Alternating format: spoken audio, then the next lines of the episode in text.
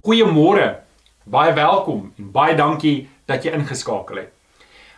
Hierdie is ons oggendediens en ons is besig met deel 4 van Here leer ons bid. En as jy enige van dit gemis het, wil ek jou nooi om die ander dele te gaan kyk en die Bybelstudie wat daarmee saamgaan te kyk wat opgeneem is en op YouTube en op Facebook gestoor is. Indien jy nog nie Facebook uh, gelike het nie, gaan volg ons daar en indien jy nog nie op YouTube gesubscribe het nie, want as ons van die een afgegooi is, kan jy altyd na die ander een gaan. Partykeer word ons afgegooi vir een of ander rede.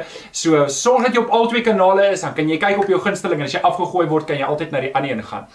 Um saam met hierdie reeks is daar 'n Bybelstudieboekie en ek wil jou vra om dit te gaan aflaai indien jy nog nie het nie www.biblestudy.co.za en die reeks is daar so saam met baie ander goeie Bybelstudieboekies wat jy kan gaan aanlaai uh, aflaai wat vir jou kan help om um om geestelik versterk te word. So my gebed is dat die Here vir jou sal seën daar by die huis waar jy is. Gister bel hom Bani my En uh, oom Bani vertel my sommer hierdie storieetjie. Dis eintlik 'n grappietjie, maar hy vertel toe asof dit met hom gebeur het. Oom Bani en tannie Joey bly daarso in Pinehurst en uh hy sê vir my, "Luister, weet jy die lockdown tydperk is eintlik baie goed vir my. Weet jy ek het nou hierdie laaste maand baie tyd met um met my vrou spandeer en saam met tannie Joey en ek het eintlik agtergekom sy's 'n redelike, sy's eintlik 'n baie aangename mens." En uh, dis sommer maar nou net so 'n grappietjie. My gebed is regtig dat die Here vir jou seën dat jy regtig uh, jou mense as aangename mense beleef, dat jou mense jou as 'n aangename mens beleef.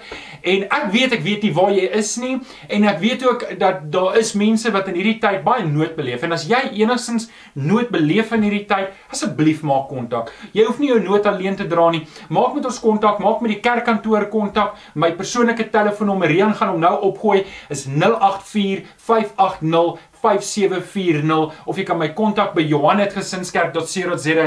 Ons wil hoor van jou nood en ons wil graag kyk hoe kan ons help. Al al is dit dan 'n gebed, al is dit Domie Chris, hy kan berading doen. Asseblief moenie moenie sukkel en alleen wees nie. Ons wil vir jou in hierdie tyd help. So die Here seën vir jou daarmee. Um ons wil graag baie dankie ook sê. Baie dankie. Ek wil dankie sê vir my span, Domie Chris wat so hard werk elke dag. Stuur vir my SMS of 'n WhatsApp as jy nog nie het nie. Sê net vir hom dankie. Elke oggend 8uur is 'n op sy pos. Dankie Domie Chris en Rian wat elke dag 1 uur uh, in die middag het hy sy sessie. Rian en um en Kenneth en Karen, dankie julle is 'n great great span en ek is baie lief vir julle en ek waardeer julle en dan natuurlik my eie vrou en my kinders wat kruiskiets doen. So volg ons gerus op YouTube en op Facebook en um wees deel daarvan. Ek wil ek vir almal dankie sê na laasweek se Bybelstudie se biduur. Er het soveel mense deelgeneem en ons kon ons kon al altesaam seker 11 of 12000 rand uitbetaal het aan mense wat in nood is. 'n Groot deel vir Sprouting Minds en 'n groot deel vir Parel Baptiste Gemeente. En ek wil vir julle baie dankie sê. Baie dankie dat julle op hierdie manier deelneem en um, en ons baie mense wat gesê het luister ons kan nie geld gee nie, maar ons kon op ander maniere help. Baie dankie vir julle ook. Ons waardeer dit baie. Net nou vinnig 'n paar afkondigings vanaand. Skakel asseblief in. Ek het weer 'n paar spesiale gaste. Um Dr. Ronald van Toren gaan weer vir ons terugvoer gee hoe dit gaan by Tygerberg Hospitaal en um dan 'n paar ander mense gaan ook deelneem in die gebed uh, in die biduur. Dit is van 6uur vanaand vanaand tot 7uur vanaand. So sien jou daarso en dan ons gewone program is hierdie week is dan natuurlik um 8uur 1uur en 6uur reg hierdie week maandag tot saterdag en dan woensdag aand het ons 'n Bybelstudie. Voordat ons die Here aanbid, kom ons sluit net die oë en dan bid ons saam. Here, baie dankie. Dankie dat ons U naam kan grootmaak. Dankie Here dat U hier is. En Here, hier bedoel ek hier in my huis, maar op dieselfde tyd is U in baie ander mense se huise en kantore en kombuise, daar waar die mense sit en kyk in hulle eetkamers. Dankie Here dat U alomteenwoordig is. Vader, ons kom vra vir oggend weer dat U deur die woord en deur die Heilige Gees ons sal aanraak dat ons die teenwoordigheid sal beleef. Maar nou wil ons U aanbid en ons wil U groot maak. En Here, dankie, dankie vir Kenneth en Karen wat ook hulle talente gebruik vir U. Dankie dat ons saam met hulle U naam kan groot maak en U kan aanbid. Aanvaar ons lof en ons prys offer ook dan nou aan U. Ons bring die lof en die eer aan U. In Jesus naam bid ons dit. Amen. Amen. Kom ons skakel oor na Kenneth en Karen en dan aanbid ons die Here saam. Dankie Kenneth, dankie Karen. Goeiemôre vriende en welkom by vanoggend se diens. Dis weer vir ons 'n groot voorreg om die Here saam met julle te kan loof en prys. So daar waar jy nou is, kom ons staan op en kom ons aanbid die Here se naam saam. Kom ons sing.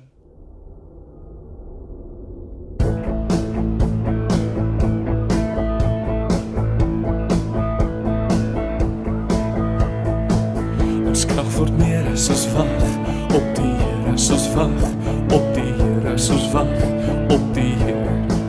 Ons krag word meer as soos wag op die Here, soos wag op die Here, soos wag op die Here ons God. U heers vir ewe ons hoop ons sterker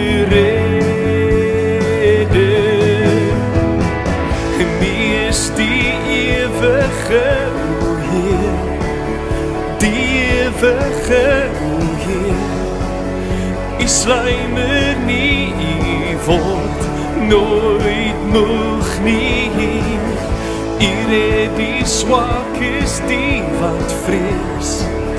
Vertroostel met u gees. U laat ons sweef soos arende.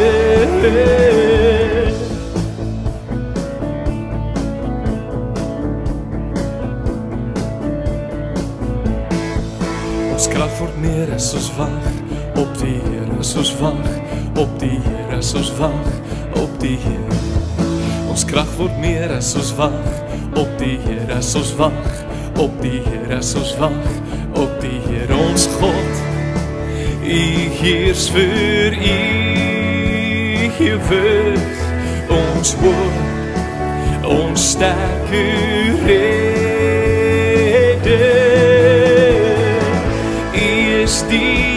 ewige o Heer en die ewige o Heer U slymer nie u word nooit moeg nie. Hier het die swakes die wat vrees. Vertroostel met u gees. U laat ons sweef soos arende.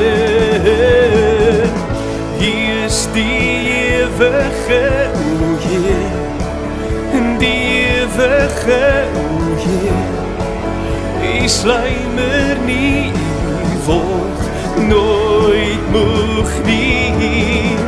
Hier het die swakes die wat vrees, vertroostel met u gees. U laat ons sweef soos arende. Die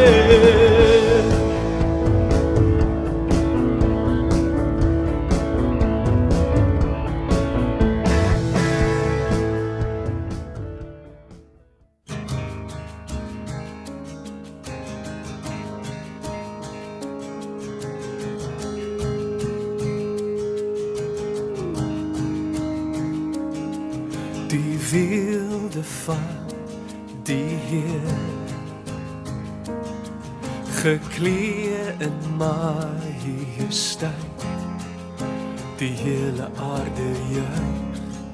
Die hele aarde juig. Hy klee homself met lig in duisternis moet vlug. Begin en die einde. Begin en die einde. Hoe groot is ons God.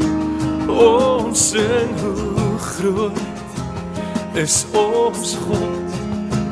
Almal sal sien hoe groot is ons God.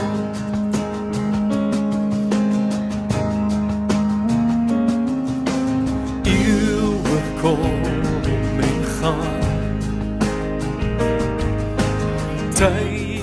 in sy hand. Begin en die einde begin en die einde. Die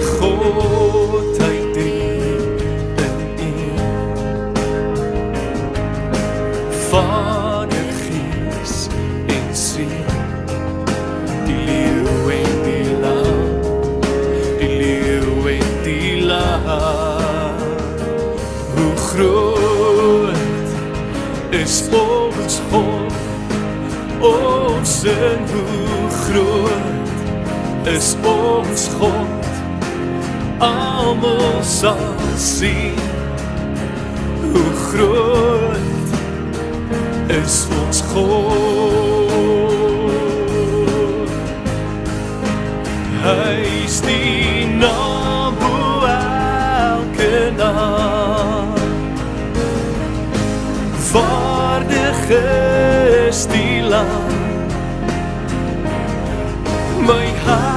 sal sing hoe groot is ons God. En hy is die naam bo elke naam. Waardig is die Lam. My hart sal sing hoe groot is God.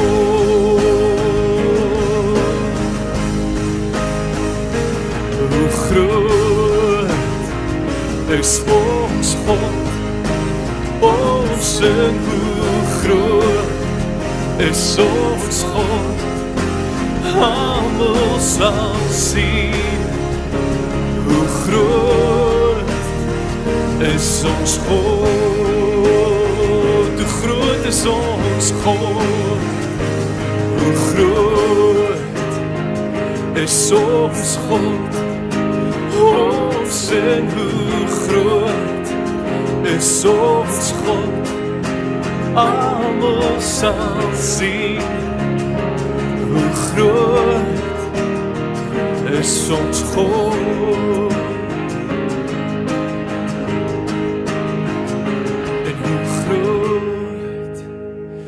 Is ons God. Ons sing hoe groot is ons God. Almal sal sien hoe groot is ons God. Dankie Kenneth en dankie Karen. Kom ons sluit hierdie oë. Dan maak ons ons harte stil. Vader, baie dankie dat ons U naam kan groot maak. U kan aanbid. En ons bring al die lof en die eer aan U Here vir al die goedheid wat ons beleef van U.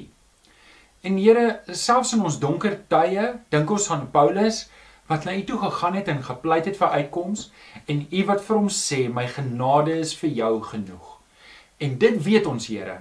Viroggend weet ons dit en maak ons dit vas in ons harte. Here, u genade is werklik vir ons genoeg. Dankie daarvoor, Here. Kom seën vir ons nou waar ons na u woord toe gaan, Here, dat ons sal verstaan, dat ons verstand sal nigter en duidelik en helder wees. Here, en kom praat deur die Heilige Gees, deur die woord met ons. Kom maak die waarhede vas en laat dit waar, werklik waar sal oorborrel in ons harte. Here en dat ons lewe soos Psalm 1 sê, 'n fontein sal wees, 'n boom sal wees wat vrugte dra op die regte tyd. Dit doen die woord in ons. Dankie daarvoor. Ons bid dit in Jesus naam. Amen. Amen.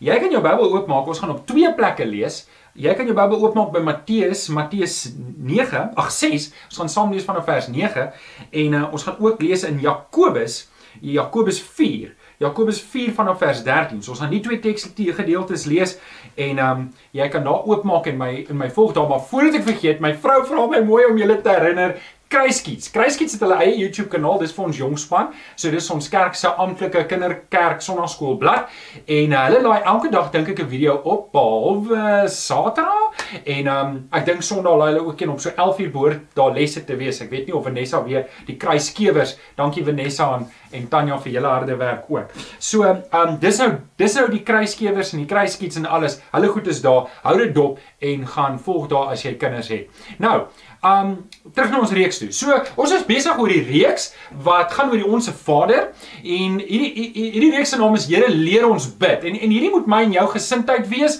Hierdie is gebaseer op die woorde van die disippels in Lukas 11 vers 1 wat hulle na Jesus toe kom en sê Jesus was ergens op 'n plek besig om te bid en toe hy klaar was, sê een van sy disippels vir hom: "Here, leer ons bid soos Johannes ook sy volgelinge geleer het." En hierdie moet my en jou gesindheid wees. Ons moet verstaan om te bid om om as jy ooit iemand hoor bid en hy en hy het 'n mooi gebed en hy bid um en moenie moenie laat 'n mooi gebed jou noodwendig uh trek nie. Maar ek praat net van jy hoor hierdie ou praat en hy praat eerlik met die Here, dan moet jy weet dit is iemand wat waarskynlik geleer is om te bid en tweedens baie tyd in gebed spandeer. En dis die twee sleutels hierso. Die disippels vra, Here, leer ons bid. En as jy nie kan bid nie, is die kans goed. Wel, is die rede daarvoor dat jy's nog nie geleer om te bid nie. En hierdie reeks gaan gaan dan daaroor om jou te leer om te bid. En dit is my gebed vir jou dat hierdie vir jou spesiale reeks sal wees dat jy werklik sal leer om te bid. Nou kom ons kyk gou-gou.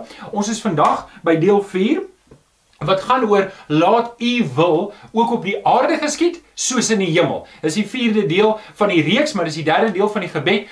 Vader wat ons Vader wat in die hemel is, laat U naam geheilig word, laat U koninkryk kom, laat U wil ook op die aarde geskied soos in die hemel. Kom ons lees saam. Kom ons lees saam ons hoofteks Matteus 6 vanaf vers 9 tot 13.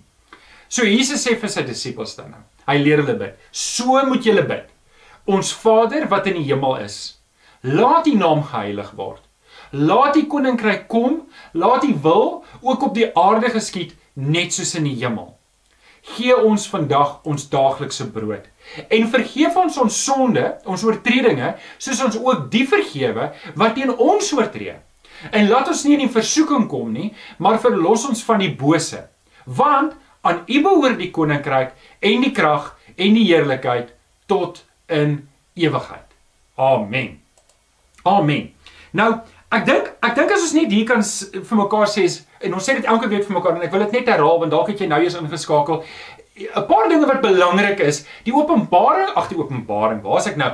Die die onsse Vader is nie 'n rympie gebed nie. Dis nie 'n gebed soos wat ons geleer is by ons ouers, jy staan op jou knieë en nou sê maar die onsse Vader op. Eh, op die beste beteken dit eintlik nie baie nie. Dit beteken eintlik niks nie, want dis nie wat Jesus hier probeer doen nie. Onthou, ons ons praat van Jesus wat sy disippels kry in tuin in die tuin van Getsemane en hy sê vir hulle kom bid vir my. Hy vat vir Jakobus en Johannes en Petrus saam en hy sê bid saam met my, waak saam met my. En Jesus gaan een kant en hy bid vir 'n uur lank. En ons het 'n paar keer gesien dat Jesus dwars deur die nag gebid het.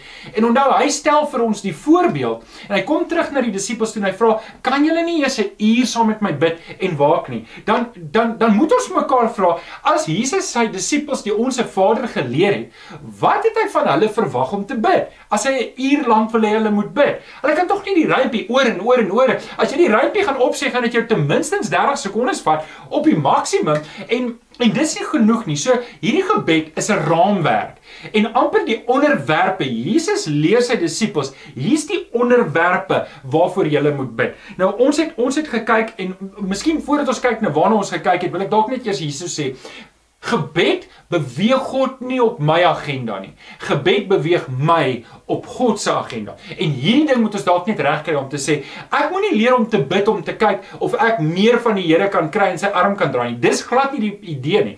Die idee van gebed is om meer van myself vir die Here te gee. Meer van myself oor te gee. Dis hoekom ons sê gebed beweeg nie God op my agenda nie. Gebed beweeg my op God se agenda. Nou kom ons kyk gou-gou waarna waarna het ons gekyk sover. Ons het in die eerste deel van die gebed gekyk, onsse Vader wat in die hemel is. Ons Vader wat in die hemel is. Ja wel die eerste ding wat ons vir mekaar moet sê, dis 'n ons gebed.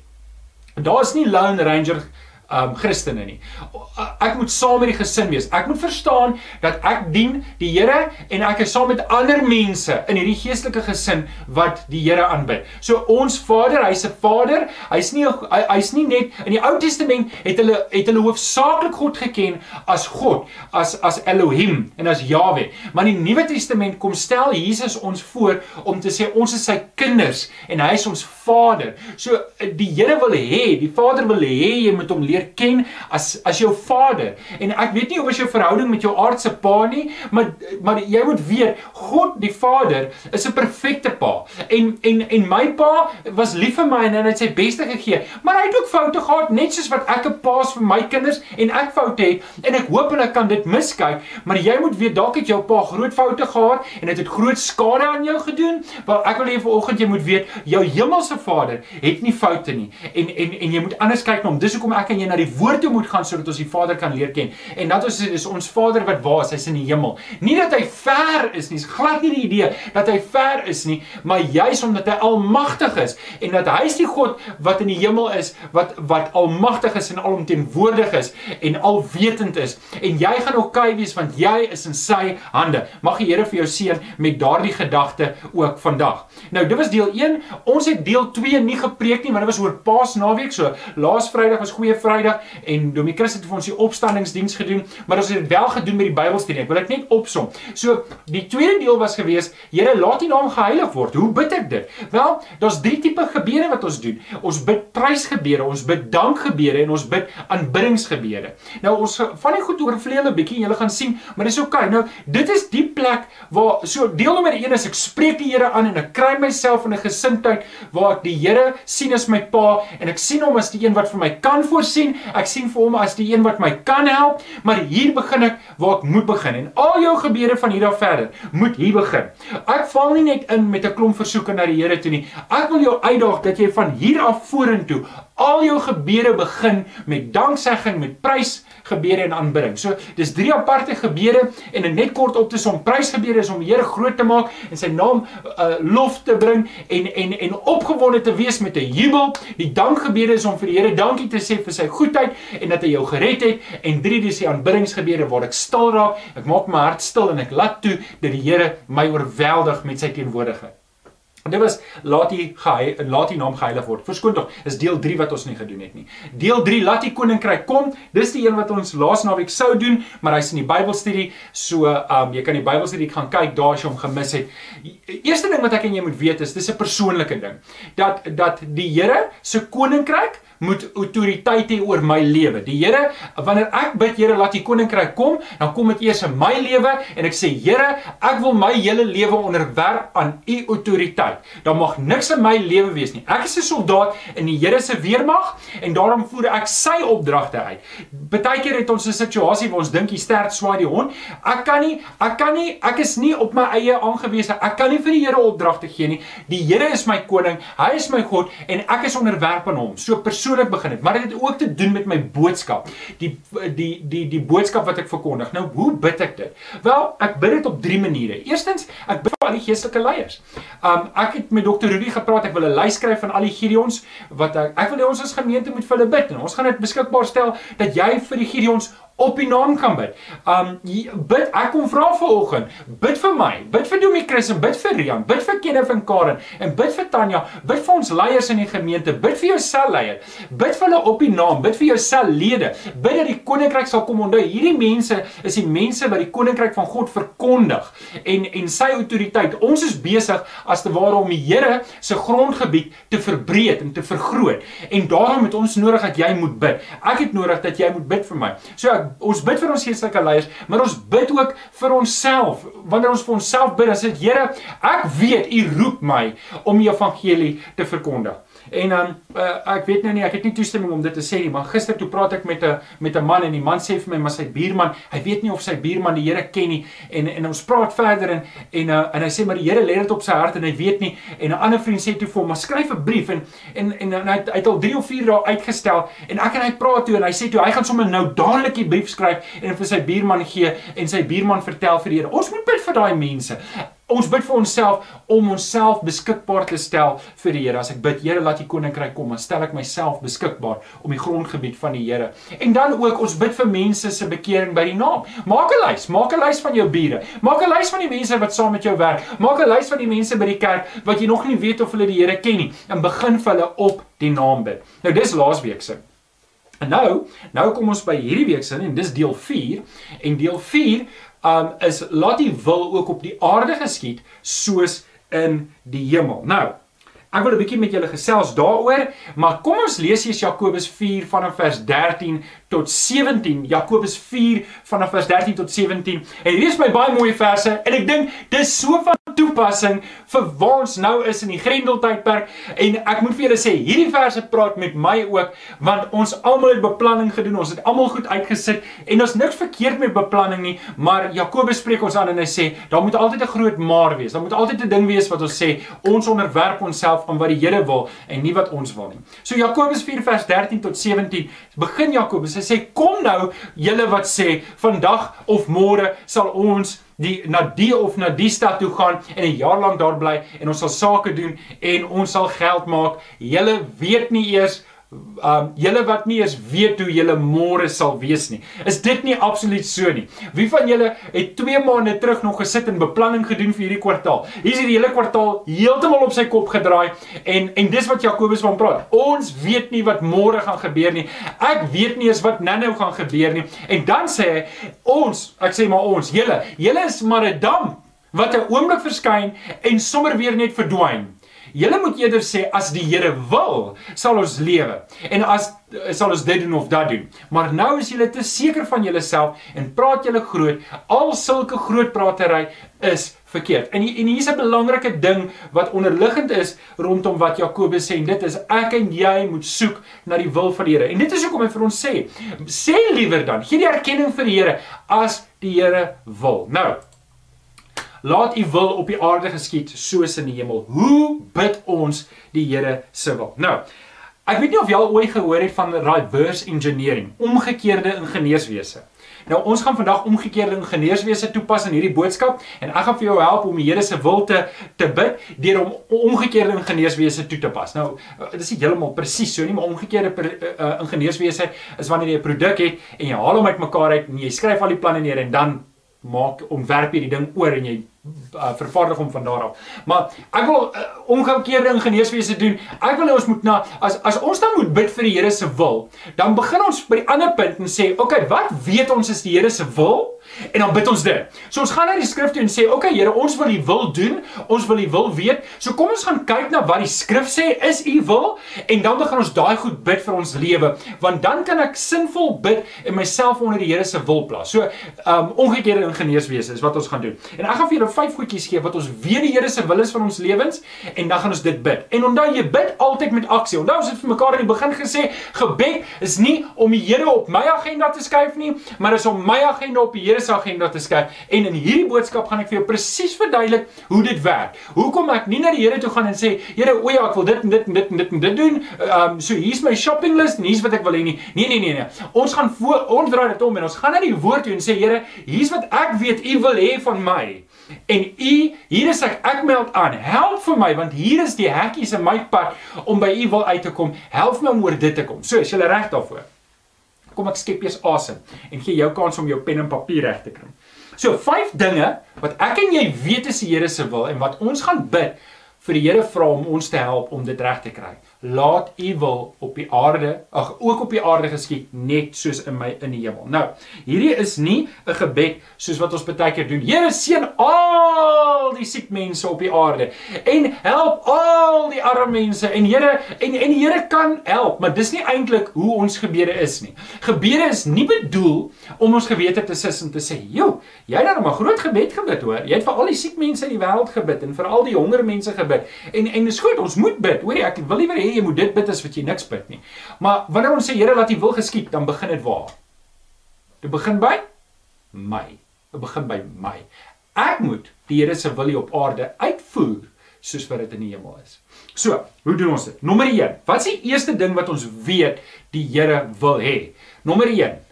Ek moet op die Here vertrou. Dis die eerste ding wat ek weet. Ek weet een ding, die Here wil hê ek moet op hom vertrou. Matteus 6 vers 33 sê Jesus vir sy disippels: "Beywer julle allereers vir die koninkryk van God en vir die wil van God, dan sal hy vir julle al die ander dinge gee." Nou die gedeeltes voor dit gaan en Jesus sê vir sy disippels: "Wat is julle so bekommerd oor die lewe, oor wat julle moet eet en wat julle moet drink en wat julle moet aantrek?" Dan sê dan sê Jesus is die is die veldlelies daar nie so mooi aangetrek deur die Here nie? En hulle gaan môre vergaan dan sê die dan en oor die mossies wat een sal nie op die grond val sonder die Here dit weet nie. Dan sê nou julle is baie meer werd as baie mossies Die Here wil hê jy moet op hom vertrou. Die Here wil hê ek moet op hom vertrou. Nou meer as ooit. Nou in hierdie grendeltydperk. Ek weet daar's 'n klomp mense wat se werk ernstig in gedrang is.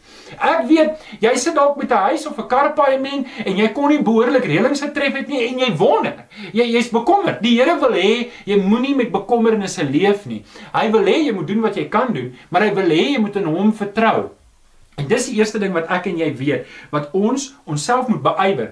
Nie met ons bekommernisse nie, maar om die koninkryk eerste te stel en en daarvoor te beywer want die Here vir die ander dinge vertrou ek die Here. En hier is 'n uitdaging vir my en jou. Wanneer ek en jy bid, Here, laat U wil geskied op aarde soos wat dit in die hemel is, dan die eerste ding wat ek en jy moet sê is, Here, alle engele vertrou op U. Die hele ganse skepping vertrou op U. Ek moet ook op U vertrou. Hoe hoe is dit dat ek so bekommerd is oor hierdie klein goedjies wat wat U aarde geskep, U die heelal geskep en ek is bekommerd oor hierdie klein goedjies en die Here wil hê ek en jy moet bid. Wanneer ons bid, moet ek sê, Here, U sien my hart raak, U sien my bekommernisse raak. Ek wil meer en meer op U vertrou. Vers 33 sê dit baie duidelik. En um, ek wil dalk 'n paar areas gee vir jou wat jy jouself kan help mee. En en miskien miskien kan ek een vers deel, Matteus 6 vers 8 en jy moet dit dalk neerskryf in in hierdie moeilike tye. Hoorie, dalk is jou goed nie die mekaar in hierdie tyd nie. En en praat voel jy, "Ag Johan, ek weet presies waarvan jy praat, is goed." Maar dalk sit jy en jy is besorgd en jy is worried en jy is bekommerd. Maar ek wil hê jy moet een vers memoriseer in hierdie tyd. En dit is Matteus 6 vers 8. Wat sê Julle Vader, jou Vader, jou Vader weet wat jy nodig het nog voor dit jy dit van hom vra. Vertrou op die Here. Vertrou op die Here. Daarom Hoe bid ek? Hoe bid ek, Here, laat U wil geskied? Wat bid ek? Here, laat U wil geskied in my werk. En leer my om U te vertrou daarvoor. Here, laat U wil geskied in my gesondheid. En Here, leer my om U te vertrou daarvoor. Here, laat U wil geskied in my finansies. En Here leer my om U te vertrou daarvoor. Here, en so bring jy elke aspek wat vir jou 'n kwelling is na die Here toe en sê, Here, hierdie ding is vir my 'n kwelpunt en U woord sê ek moet op U vertrou. Ek wil nie U oor bekommerd wees nie. Ek laat dit by U voete neer. Laat U wil daarmee geskied. En daar's twee kante hiervan. Die eerste kant is is dat as ek iets doen wat buite die wil van die Here is, is hierdie die punt wat ek sê, Here, help my om hierdie ding te verander dat ek hierdie ding wat in my lewe is wat buite U wil val in lyn bring met U wil. Ek wil U wil nie net bid nie, maar lewe. So, dis die eerste belangrike ding. 1 Petrus 5 vers 7. En en en hierdie is dalk iets wat ek en jy nou moet vasmaak in ons lewe. 1 Petrus 5 vers 7 sê: "Werp al jou bekommernisse op hom, want hy sorg vir julle." Vertrou ek en jy die Here vandag. En ek wil jou uitdaag, vertrou die Here om te sê die Here sal vir jou sorg. Hy gaan vir jou deurkom. Dit dalk nie noodwendig lyk soos wat jy ly, wil jy dit moet lyk nie, maar luister, ek het al baie goed gebid want ek weet wat die Here se wil nie en hierdie gaan daaroor om om om 'n omdraai te maak. Ek wil nie die Here se arm draai om te doen wat ek wil hê nie. Ek het 'n uitkoms in my kop en ek het 'n prentjie in my kop van hoe ek dit wil hê, maar dit is nie noodwendig wat die Here wil hê nie. En ek moet vir die Here sê, Here, goed. Hierdie ding gaan ek andersom doen. Hierdie omgekeerde omgekeerde in geneeswese. U wil kom eerste. U koninkryk kom eerste. En Here, as dit nie is, as die prentjie wat U wil hê, nie dieselfde prentjie is as die prentjie wat in my kop is nie, dan wil ek die prentjie wat in my kop is verander dat dit in lyn is met U wil. En dis die uitdaging om te sê, Here, goed, ek vertrou U dan daarvoor. Nommer 2. Nommer 2, wat weet ons is die Here se wil? OK, ons moet op die Here vertrou, maar nommer 2 is ek moet ook in dankbaarheid lewe. Die Here, dit weet ons. Ons weet, die Here wil hê ons moet in dankbaarheid teenoor hom lewe. 1 Tessalonisense 5 vers 18 sê: "Wees in alles dankbaar, dit is die wil van God in Christus Jesus oor julle." Jy kan dit nie duideliker sê nie. Wat is die Here se wil volgens hierdie vers? Dat ons in dankbaarheid moet lewe. Ek en jy moet dankbaar wees vir wat die Here in ons lewe gedoen het. Ons moet in dankbaarheid lewe. Ek wil julle 'n kort storie vertel van Jona. So, die Here roep vir Jona en sê: "Jona, ek wil hê jy moet gaan na Ninive Jy moet met die mense in Ninive gaan praat en jy moet die evangelie verkondig. Nou, net so klein bietjie agtergrond dat Jonah het nie baie gehou van die mense wat in Ninive bly nie. Hulle was barbare. Hulle hulle het die Jode getuister, die Israeliete getuister en so toe die Here sê ek gaan hulle straf en hulle doodmaak, toe was daar 'n opgewondenheid in Jonah se hart. Maar hier's 'n probleem. Die Here roep hom om te gaan preek. Wat moet hy preek? Hy moet preek dat hulle tot bekering moet kom. So wat doen Jona? Gaan hy na Ninive toe? Nee nee nee. Hy vlug na Tarsus toe want hy wil hê die Here moet hulle doodmaak. En hy weet as hulle preek, as as Jona gaan preek, gaan hulle tot bekering kom. So met ander woorde, wat sien ons hier van Jona? Die Jona soek nie God se wil nie. Hy soek nie God se koninkryk nie. En baie keer is dit so in ons lewe. Ons weet wat die Here wil hê, maar ons wil nie dit hê nie. So wat doen ons? Ons vlug van die Here af en baie mense vlug. Baie kinders van die Here vlug van die Here af omdat die Here iets van hulle verwag die en hulle wil nie die Here se wil uitvoer nie. En die Here stuur hierdie groot vis en gaan haal vir Jonah van die boot af en hy bring hom terug. En en uh, Jonah besluit, "Goed Here, ek sal met Ninive gaan praat." En ek kan net dink hoe 'n houding Ninive uh, dat Jonah moes gehad het. Hy stap daar in Ninive en doen nie baie moeite nie. Stap 'n paar dae, ek dink 5 dae daar rond en skielik begin hy daar in die stadsplein praat en sê, "Wee, julle gaan almal doodgaan. Julle is 'n klomp sondaars en julle is niks werd en um, en die Here het aangekondig ek gaan julle almal straf." En hy loop by die dorp by. En hy gaan sit op 'n heuwel buite die dorp en hy hou die dorp dop. En hy hoop van harte. Ek wou gesê hy bid, maar hy kan nou nie bid nie want hy weet dis nie wat die Here wil doen nie. Hy, hy hoop so van harte die Here straf hierdie mense en en vee hulle plat met die aarde. Maar daar gebeur 'n belangrike ding. Die koning roep 'n dag van smart en vas en hulle is almal in sak en as en hulle bekeer hulle heeltemal en hulle draai heeltemal om en die Here se wil vind plaas. Die mense word gered. En Jonas sit daar en hy sit onder 'n komkommerplant en terwyl hy daar sit, stuur die Here wurm om die komkommerplant te begin vreet en die komkommerplant vrek. En daar begin Jona kla. Hy sê: "Here, ek het dit geweet.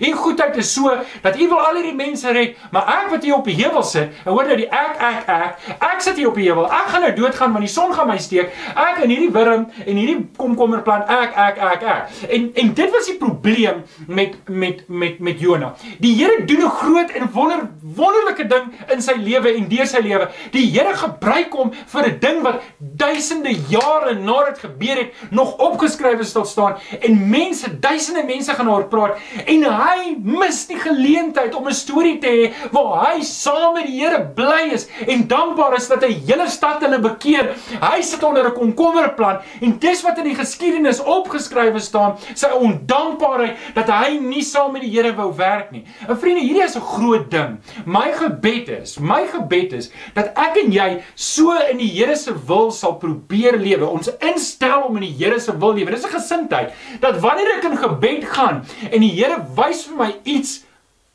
wat ek nie noodwendig van hou nie, dat ek dankbaar sal wees dat ek die geleentheid het om saam met die Here te werk en iets groot te doen wat ek nie uit my eie uit uit my vlees uit uit my sondige natuur sal doen nie. En Jonah het dit gemis en vriende, ek wil vir jou mooi vra. Ek en jy moet dit nie mis omdat ek en jy 'n ander agenda het as die Here se agenda nie. Ek en jy moet dit nie mis omdat ons onder 'n komkommerstad uh, boom sit en hoop die stad vergaan omdat ons net nie van die mense hou nie. Dis nie die Here se aard nie. En op hierdie punt wil ek vir jou sê, luister ouens, die Here is lief vir mense. Die Here verwag van my en jou om mense lief te hê. Hy verwag van my en jou om die mense lief te hê van wat ons nie hou nie. Dit het Jonah gemis. Jonah het gemis dat God lief is vir Ninive. Hy het dit gemis. En as ek en jy nie ingestel is op God se hart nie, gaan ons dit ook mis. Die Here roep my en jou om mense lief te hê al hou ons nie van hulle nie. Terug by dankbaarheid. Komkommerplante en wurms. Hoe bid ek dan? 'n dankbaarheidsgebed. Jonah moes daar gesit het en hy moes vir die Here dankie gesê. Here, dankie vir die geleentheid wat ek het om te kan preek en dankie vir die geleentheid. Dankie dat die mense hulle bekeer. Here, dankie dat ek kan deel wees van hierdie groot en wonderlike dag wat U my opgeroep het. Dankie vir 'n komkommerplan. OK, ek weet nou nie of jy kan dankie sê vir die wurm nie, maar maar as hy nie so 'n negatiewe persoon was nie, as hy nie as hy nie so teleurgesteld is in homself en oor wat die Here gedoen het nie, as hy net saam met die Here kon werk, kon die dankbaarheid oorgeloop het in sy lewe. En dan hier's hoe ons bid. Hier's ons bid. Kom ek kom ek lees dit eers vir hierdie vers. 1 Tessalonisense 5 vers 18. Wees in alles, nie net in die goeie tye nie, maar ook in die slegte tye. Nie net in die optye nie, maar ook in die aftye. Wees in alles dankbaar want dit is die wil van God in Christus Jesus ook oor julle. Luister, ek en jy het baie om voor dankbaar te wees. Ons het laas naweek Paasnaweek gehad. Jesus Christus het vir jou gesterf aan die kruis. Hy het vir my gesterf aan die kruis. Ek en jy was vol, volslaa sondaars. Ek en jy was op pad hel toe. Ek kon dit nie ek kan dit nie beter sê nie. Ons was heeltemal op pad hel toe en die Here het uitgereik en sy seun aan die kruis laat sterf sodat as ek en jy hom aanneem, ons nie verlore sal gaan nie, maar die ewige lewe kan hê. Sodat as ons hom aanneem, maak hy ons sy kinders. Ek en jy het soveel om dankbaar te wees. Man, weet jy wat al is jou finansies nie heeltemal soos wat dit moet wees nie. En al is jou gesondheid dalk nie soos wat dit moet wees nie, wees dankbaar in alle omstandighede. So hier's wat jy doen is jy tel fisies jou seënings op hierdie punt van jou gebed. Onthou nou jy die Here groot gemaak het, hom aangespreek, jy het, jy het sy koninkryk gebid, jy het vir al die leiers gebid, jy het vir al die mense gebid. En nou kom bid jy en jy bid Here, ek wil net my seënings kom noem voor U. Ek wil vir U kom dankie sê. Dankie Here as ek gesond is. Ek kom sê dankie vir gesondheid. Here, dankie dat ek 'n goeie verhouding het met my vrou, met my man en met my kinders. Dankie Here, dankie vir Jesus Christus aan die kruis. Dankie dat U my kom red het, dat U my uit daai gat uit kom red het. Dankie Here, dankie Here vir my klere aan my lyf. Dankie Here vir elektrisiteit. Dankie dat ek 'n motor het om mee te ry, nie dat ek nou met hom kan ry nie. Maar Here, dankie. Dankie, dankie dat ek vanoggend 'n lekker koppie koffie kon drink en 'n muffin kon eet. Dankie Here vir die goedheid. Dankie Here, dankie, dankie, dankie. Tel jou seëninge. Moet ek sing? Moet ek sing? Tel jou seëninge, tel een vir een. Seëninge jou van God verleen. Dan gaan hy verder. Tel elkeen, tel een vir een. En jy sal verstom wees oor wat God verleen. Tel jou seëninge. Tel hulle wanneer die lewensstorme om jou woed tel jy seëninge en sê vir die Here dankie. Dis die tweede ding wat ons weet. Wat is die derde ding wat ons weet? Ek weet ek moet heilig leef. So, ons het nou ons het nou 'n paar goed al gesê, maar die derde ding is wat ek weet van die Here se wil in hierdie omgekeerde in geneeswese, ek moet heilig lewe. 1 Tessalonisense 4 vers 3. Um dit is die wil van God dat jy heilig moet lewe. Ek dink nie daar's 'n daar's 'n kwessie daarin. Die vers is baie duidelik. Dis God se wil dat ek moet heilig lewe. Daar's nie 'n kwessie daaroor nie. Um ek kan nie daarmee argumenteer nie. Dalk moet ek net eers dalk vertel wat is heilig lewe. So die Griekse woord hagios het twee basiese betekenisse. Twee basiese betekenisse. Die eerste een is om sonder vlek en rimpel te wees. So met ander woorde wanneer iets hagios is, is dit silwer skoon, sonder enige besmetting, sonder enige dis mooi skoon en dit lyk mooi vir die oog. Maar die tweede betekenis ook is iets wat afgesonder is vir 'n vir 'n besonderse doel. Soos byvoorbeeld my tandeborsel. Ek is heilig op my tandeborsel. Ek is baie lief vir my vrou, maar ek wil nie sy moet my tandeborsel gebruik nie. As um as my kinders my tandeborsel gebruik gebruik kan hulle hom hou, dan s'ek nie meer gaan ek hom nie weer verder gebruik nie. OK. Dis nou 'n baie goeie voorbeeld nie of dalk is dit jy's 'n baie goeie voorbeeld. Wat ek en jy moet verstaan is, die Here is heilig op jou. Jy is afgesonder vir sy doel. Hy wil jou nie deel met die wêreld nie. Hy wil jou nie deel met enigiets wat daar buite aangaan nie. Hy wil hy wil jy moet net vir hom wees. Dis die tweede betekenis, maar die eerste betekenis, hy wil ook hê jy moet skoon wees. Christus se bloed het my en jou kom skoon was en deur Jesus aan te neem met God die Heilige Gees in my en in jou hart gesit. So ek het nie meer 'n verskoning om aan te gaan met sonde nie. Ek het nie meer 'n verskoning om aan te gaan met my ou lewe nie. Ek het nou net een ding voor oë en dit is God het my geheilig aan die een kant en nou moet ek 'n heilige lewe leef. Nou twee belangrike verse wat ons mekaar moet lees saam met dit. En dalk moet jy dit neerskryf. In 1 Petrus 1 vers 15 tot 16 lees ons: Soos hy wat julle geroep het heilig is, en dit is God, ons Vader is heilig. Jesus Christus het geen sonde gedoen toe hy op aarde was nie, anders sou hy nie vir ons aan die kruis kon sterf en ons kom red nie. En so, as jy daar sit en jy het nog nie Jesus Christus aangeneem nie, dan is dit nou die tyd om Jesus Christus aan te roep en hom aan te neem as jou verlosser en saligmaker. So, soos wat hy geroep het, heilig is, moet julle ook in julle hele lewens sein. Lyk net gou daarop Daai woord sê jou hele lewe. Ek het nie 'n Sondag Johan en 'n Maandag Johan nie. Ek moet dieselfde persoon wees. Ek moet heilig lewe. Maandag, Dinsdag, Woensdag, Donderdag, Vrydag, Saterdag en Sondag. Elke dag is ek heilig want ek is 'n kind van die God, van God en ek is afgesonder vir sy werk. Daar staan immers geskrywe en dit verwys na Levitikus 17:17 17, dink ek. Wees heilig want ek is heilig. En dan net nog 'n versie in Hebreërs 12 vers 14. Beywer julle vir vrede met alle mense en vir 'n heilige lewe waarsonder niemand die Here sal sien nie. Luister, die Here is baie ernstig dat ek en jy nie net ons is nie net geheilig Hy is heilig oor my en ek is sy kind nie, maar dat ek 'n heilige leefstyl moet handhaaf. Die Here duld nie sonde nie. Luister, Jesus Christus se kruisdood was nie goedkoop nie. Dit was baie duur. Dit het hom alles gekos. Nou ek en jy kan verniet deel kry van die genade van God, maar dit kos my lewe ook. Die ou Johan moet dood wees. Die ou Johan moet gesterf het en Jesus Christus moet nou deur my lewe. Daarom moet ek heilig lewe. In Eksodus 20 sê die Here, ek is 'n jaloerse God. Dis mooi gesê. Ek is 'n jaloerse God, dink ek sê die ou vertaling. Dit beteken die Here wil jou net vir homself hê. Hy deel jou met niemand nie. Nou, hoe bid ek dit?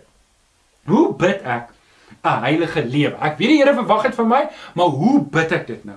En dit is ek gaan na die Here toe en ek sê vir die Here, Here, leer my wat dit beteken om heilig te lewe.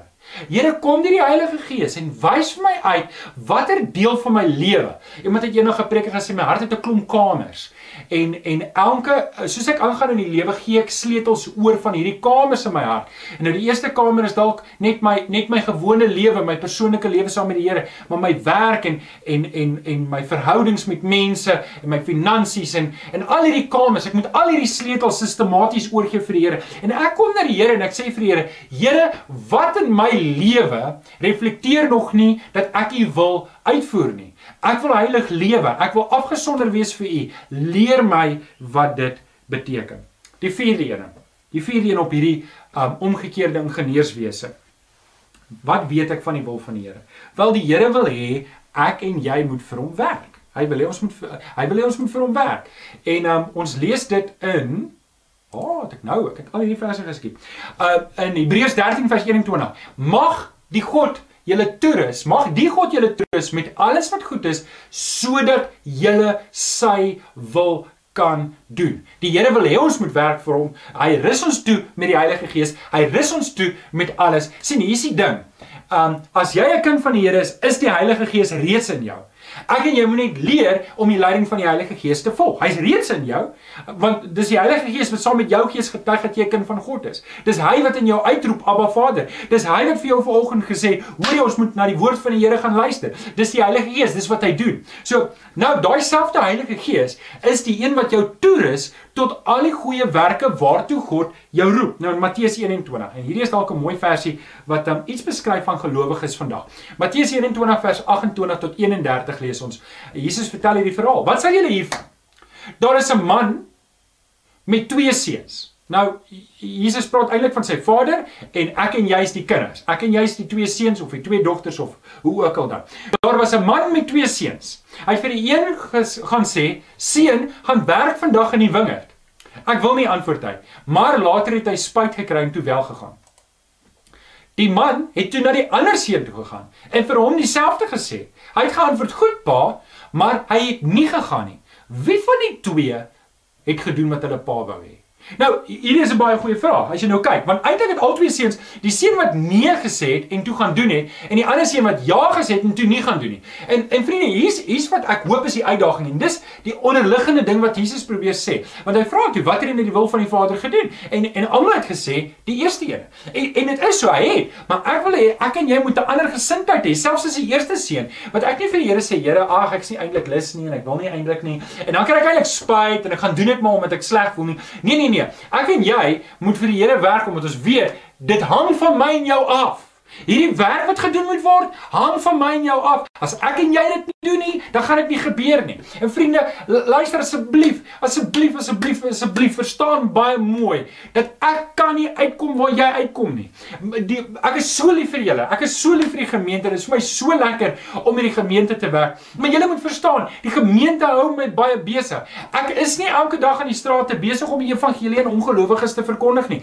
Ek het baie minder ongelowige vriende as wat jy het en ek het nodig dat jy die evangelie, die koninkryk het nodig dat ek en jy moet besig wees en aan die werk wees, busy as be, besig om mense te vertel van Jesus. Hebreërs 13 vers 21 sê: "Mag die God julle toerus met alles wat goed is sodat julle sy wil kan doen." En hierso ek en jy bid. Hierso ek en jy bid. Ons kom bid en ons kom vra die Here. Here, wat is dit wat U wil hê ek moet doen? Hoe op watter manier wil U my hierdie dag in diens van U gebruik. Kom help my, kom maak my oë en my ore en my hart sensitief vir die werking van die Heilige Gees dat ek weet daar's mense met wie ek vandag in aanraking gaan kom.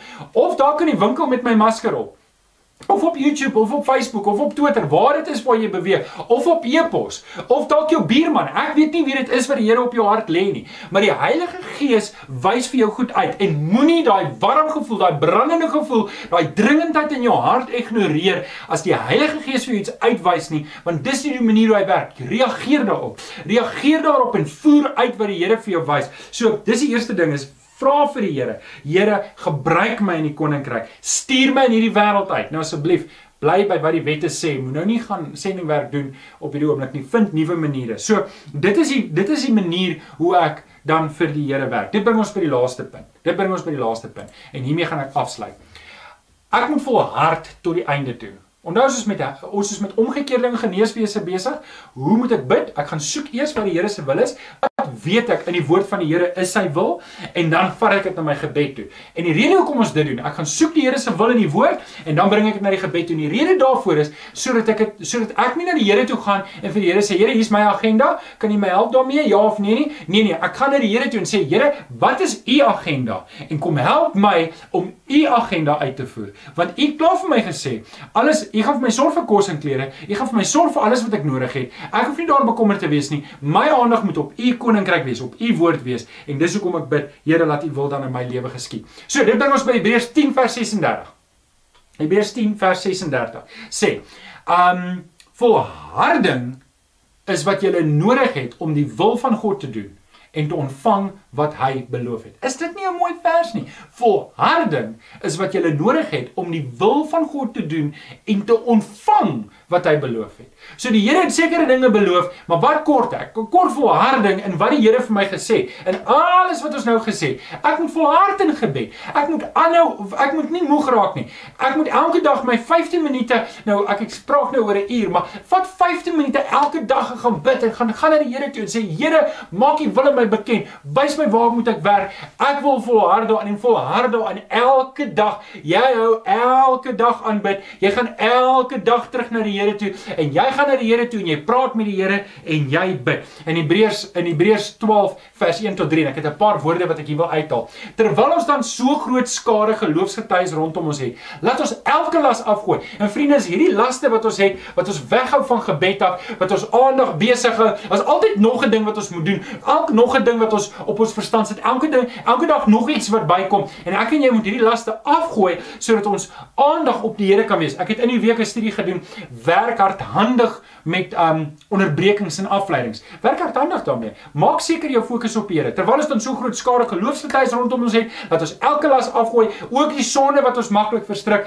en laat ons die wedloop wat vir ons voorlê met volharding hardop. Ons moet aanhou aanhou. En dan, hoe moet ons dit doen? Die oog gefestig op Jesus Christus. Hy is die begin en die volëinde van ons geloof. Hou Jesus voor oë wat hierdie vyandige optrede wat ek en jy eers gehad het as sondaars, hy het dit verdra toe ons teen hom opgetree het. Dan sal jy nie geestelik moeg word en uitsak nie. sien, as dit klink verkeerd om as ons oë op Jesus is en ons volhard op hierdie pad, sal ons nie geestelik moeg raak nie. O, ons sal sterk staan in die Here. Ons sal sterk staan en ons sal die Here kan dien. En en en en dis iets wat jy moet verstaan. Hier is die wil van die Here en die Here is by magte om jou te help om sy wil uit te voer. Hy roep jou hiervoor. sien, die Here roep ons nie eerstens om bekommerd te wees. Wel, hy roep ons glad nie om bekommerd te wees oor alles wat in hierdie wêreld aangaan nie. Natuurlik ons moet bid vir die mense. Maar julle, wanneer ek die koerante oopmaak, is ek nie veronderstel om die heeltyd aan die worry te wees van wat besig is om te gebeur nie. My oë is op die Here. Ek soek God se koninkryk. Ek soek sy wil. Onthou net nie, jy deel 'n goeie vader. Jy jy dien 'n goeie vader. Ek wil ek wil afsluit met hierdie een versie in Psalm um 143 vers 10. En dit sê dis Dawid wat wat bid. Hy sê Here leer my om u wil te doen. Want u is my God. Laat u goeie gees my op 'n gelyke pad lei. En dis my gebed. Dis hiermee wil ek afsluit. Dis my gebed vir jou dat die Here, dat jy regtig die Here se teenwoordigheid so sal beleef, dat jy jouself en ek myself aan die Here se wil sal onderwerp.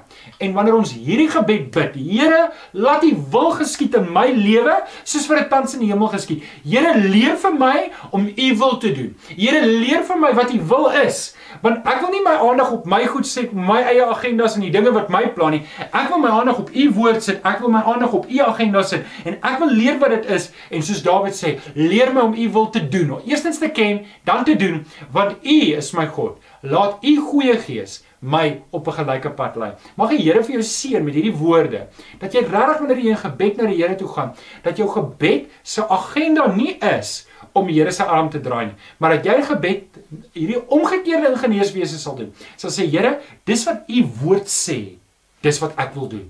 Kom help my om op u agenda te lewe. Ek wil u nie op my agenda bring nie, want dit is 'n slegte agenda, dis sommer 'n dom agenda. Ek wil op u agenda lewe. Amen. Kom ons bid saam. Vader, baie dankie. Dankie Here dat U woord lewendig is. Dankie Here dat ons kan vra. U Gees kom leer ons om te vra na U wil. Kom wys ons U wil, kom leer ons U wil. Ons wil U dien, ons wil U volg. Kom help vir ons Here dat ons hierdie ding onder die knie sal kry. Hierdie omgekeerde geneeswese. Here dat ons na U woord toe sal gaan, sal uitvind wat U wil is en dit sal bid, uitleef, uitvoer en lewe. Dankie daarvoor. Ons bid dit in Jesus naam. Amen. Amen. Amen. Nou Karen, en Kenneth is reg vir ons. Kom ons kom ons aanbid die Here ook saam met hulle en ons maak die Here se naam groot met hierdie volgende lied. Dankie julle. Dankie Kenneth, dankie Karen.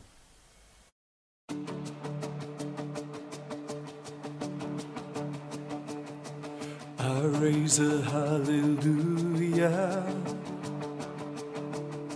in the presence of my enemies. I raise a hallelujah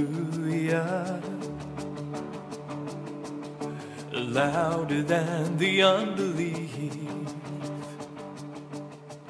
I raise a hallelujah. My weapon is a melody. I raise a hallelujah. Heaven comes to fight for me. I'm gonna sing in the middle of the storm. Louder and louder, you're gonna hear my praises roar. Up from the ashes, hope will arise. Death is defeated, the King is alive.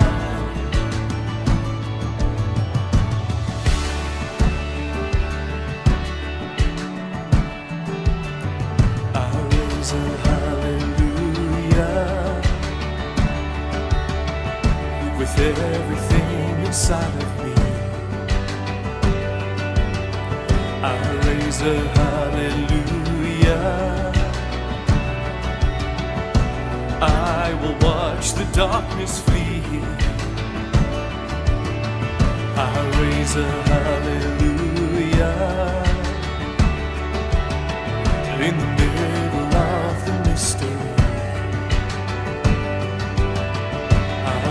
a hallelujah. Fear you lost your hold on me. I'm gonna sing in the middle of the storm. Louder and louder, you're gonna hear my praises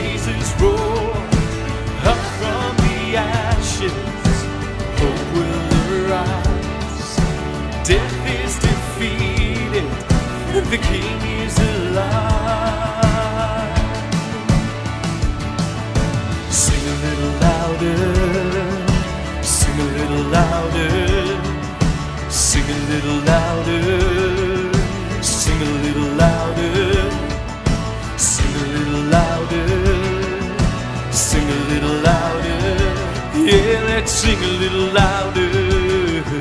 Sing a little louder.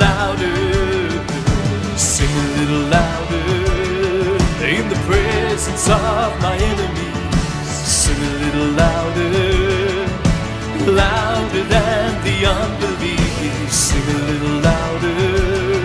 My weapon is a melody. Yeah, sing a little louder.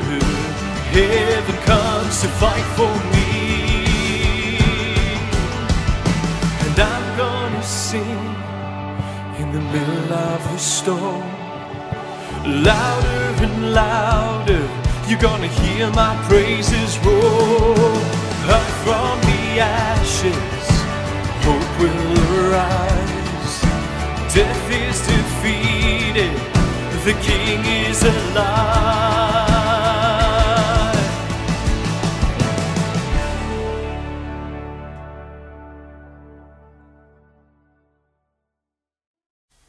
Baie dankie Kenneth, baie dankie Karen. Ag ons prys die Here. Ons prys die Here vir sy teenwoordigheid. Ons prys die Here dat hy in ons harte kom werk. Ons prys die Here vir sy woord en dat hy ons nie in die steek laat nie. Vriende, as jy op enige manier nood beleef, wil ek graag van jou hoor. Uh onthou ons verlang na jou. Ek verlang na jou en ek is lief vir jou en um en dit sal lekker wees op enige manier van jou te hoor. Um som net om te weet jy's okay en jy gaan aan en um jy jy uh, en as jy nood beleef wil ons kyk hoe kan ons help. Onthou vanaand 6uur het ons biduur. Dis of my lekker wees as jy inskakel en um en uh, ja, ons praat weer volgende week. Wel, ons praat môre aand weer, maar volgende week gaan ons aan met ons reeks. Die Here seën vir jou. Sy genade is genoeg vir jou. Mag die Here vir jou deur sy Heilige Gees in jou hart homself openbaar dat in hierdie tye van onsekerheid dat die Here Jesus jou rots sal wees en jy te vas sal staan op hom. Die Here seën vir jou. Amen.